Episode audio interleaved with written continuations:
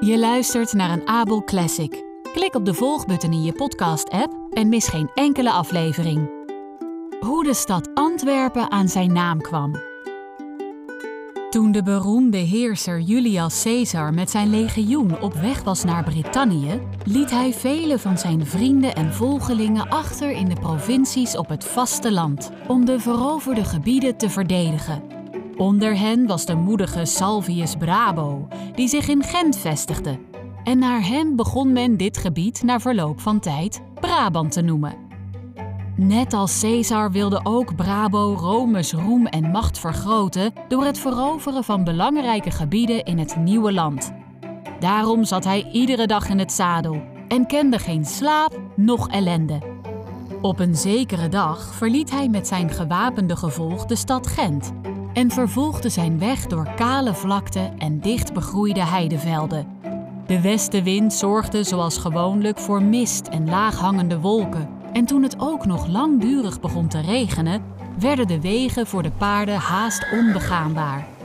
Slechts met de grootste moeite konden zij zich uit de drassige bodem bevrijden.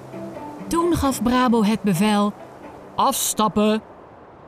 Zelf ging hij op verkenning uit in de naaste omgeving, die dicht met riet was begroeid. En bij zijn terugkomst zei hij: Er moet hier ergens een rivier of een beek zijn. We moeten een doorgang zien te vinden. Ja, meneer. Hier stroomt de Schelde en ook de doorgang is hier niet ver vandaan, vertelde een van de mannen. Wel, breng ons erheen, dan kunnen we onze weg vervolgen, beval Brabo. Graag, meneer, maar de doorgang wordt bewaakt door de verschrikkelijke reus Antigoon.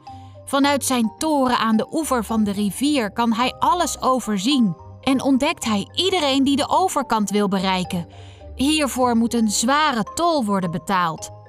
Iedereen die de rivier wil oversteken, pakt hij de hand af.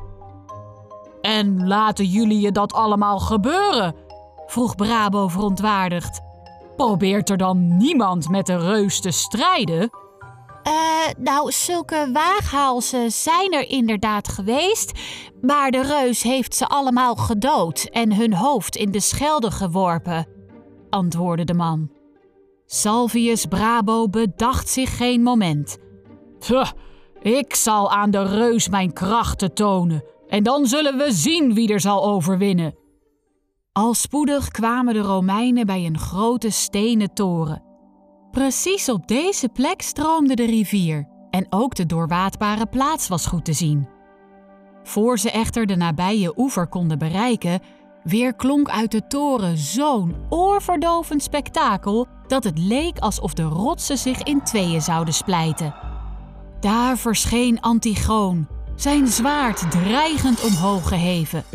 Antigoon was werkelijk reuze groot, zo groot zelfs dat de paarden niet groter waren dan de middel van de reus. Toen hij begon te spreken, dreunde het de mannen in de oren. Jullie willen zeker naar de overkant? Leg dan maar één voor één je hand op het hakblok, zodat ik ze kan afslaan, want dat is de tol die voor de overtocht betaald moet worden. Of is er toch iemand die met mij wil vechten? In plaats van te antwoorden trok Salvius Brabo zijn zwaard, gaf zijn paard de sporen en reed het monster tegemoet. Met een hevige kracht wilde de reus toeslaan, maar Brabo's paard sprong op het laatste nippertje opzij en het zwaard boorde zich diep in de aarde. Onmiddellijk greep de Romein in. Voordat Antigoon besefte wat er gebeurde, lag zijn rechterhand afgeslagen in het gras. De reus schreeuwde het uit van pijn en de toren bibberde op zijn grondvesten. Maar de reus herstelde zich snel. Hij probeerde met zijn linkerhand het zwaard uit de aarde te trekken en boog zich daarbij diep voorover. En weer was de Romein hem te vlug af. Hij greep het wapen met beide handen en raakte de reus met zo'n geweldige slag op zijn nek dat het reuzenhoofd met een wijde boog de schelde invloog. Nu was de weg vrij. Maar nog voordat ze de rivier waren doorgetrokken, wierp Salvius Brabo de hand van de reus in de schelde en riep: Daar, Waar deze hand het water van de Schelde zal bereiken, daar zal de grens van Brabant zijn. En zo had Salvius Brabo de grenzen vergroot en het land bevrijd van nood en ellende. Maar daarmee is ons verhaal nog niet ten einde. Salvius Brabo ging naar Julius Caesar in Brittannië en bracht verslag uit van zijn strijd met de reus. Na zijn woorden te hebben aangehoord, sprak Caesar: Keer met je gevolg naar deze plek terug en bouw daar een stad waar jij moet gaan regeren. Ikzelf zal ervoor zorgen dat het een bloeiende en beroemde stad zal worden.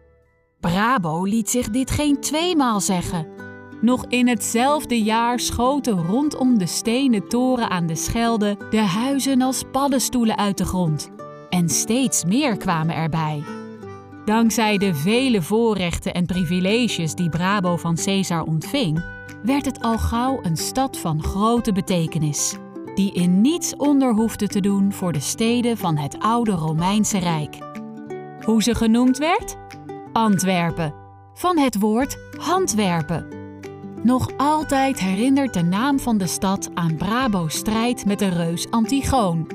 Toen de inwoners van Antwerpen hun stad na vele eeuwen een wapen gaven, werd daarop de hand van de reus Antigoon afgebeeld. Einde. Bedankt voor het luisteren naar een Abel Classic. Klik op de volgknop in je podcast-app en mis geen enkele aflevering. Benieuwd naar onze Abel Originals? Kijk dan in de link in de beschrijving en luister naar onze unieke korte audioverhalen.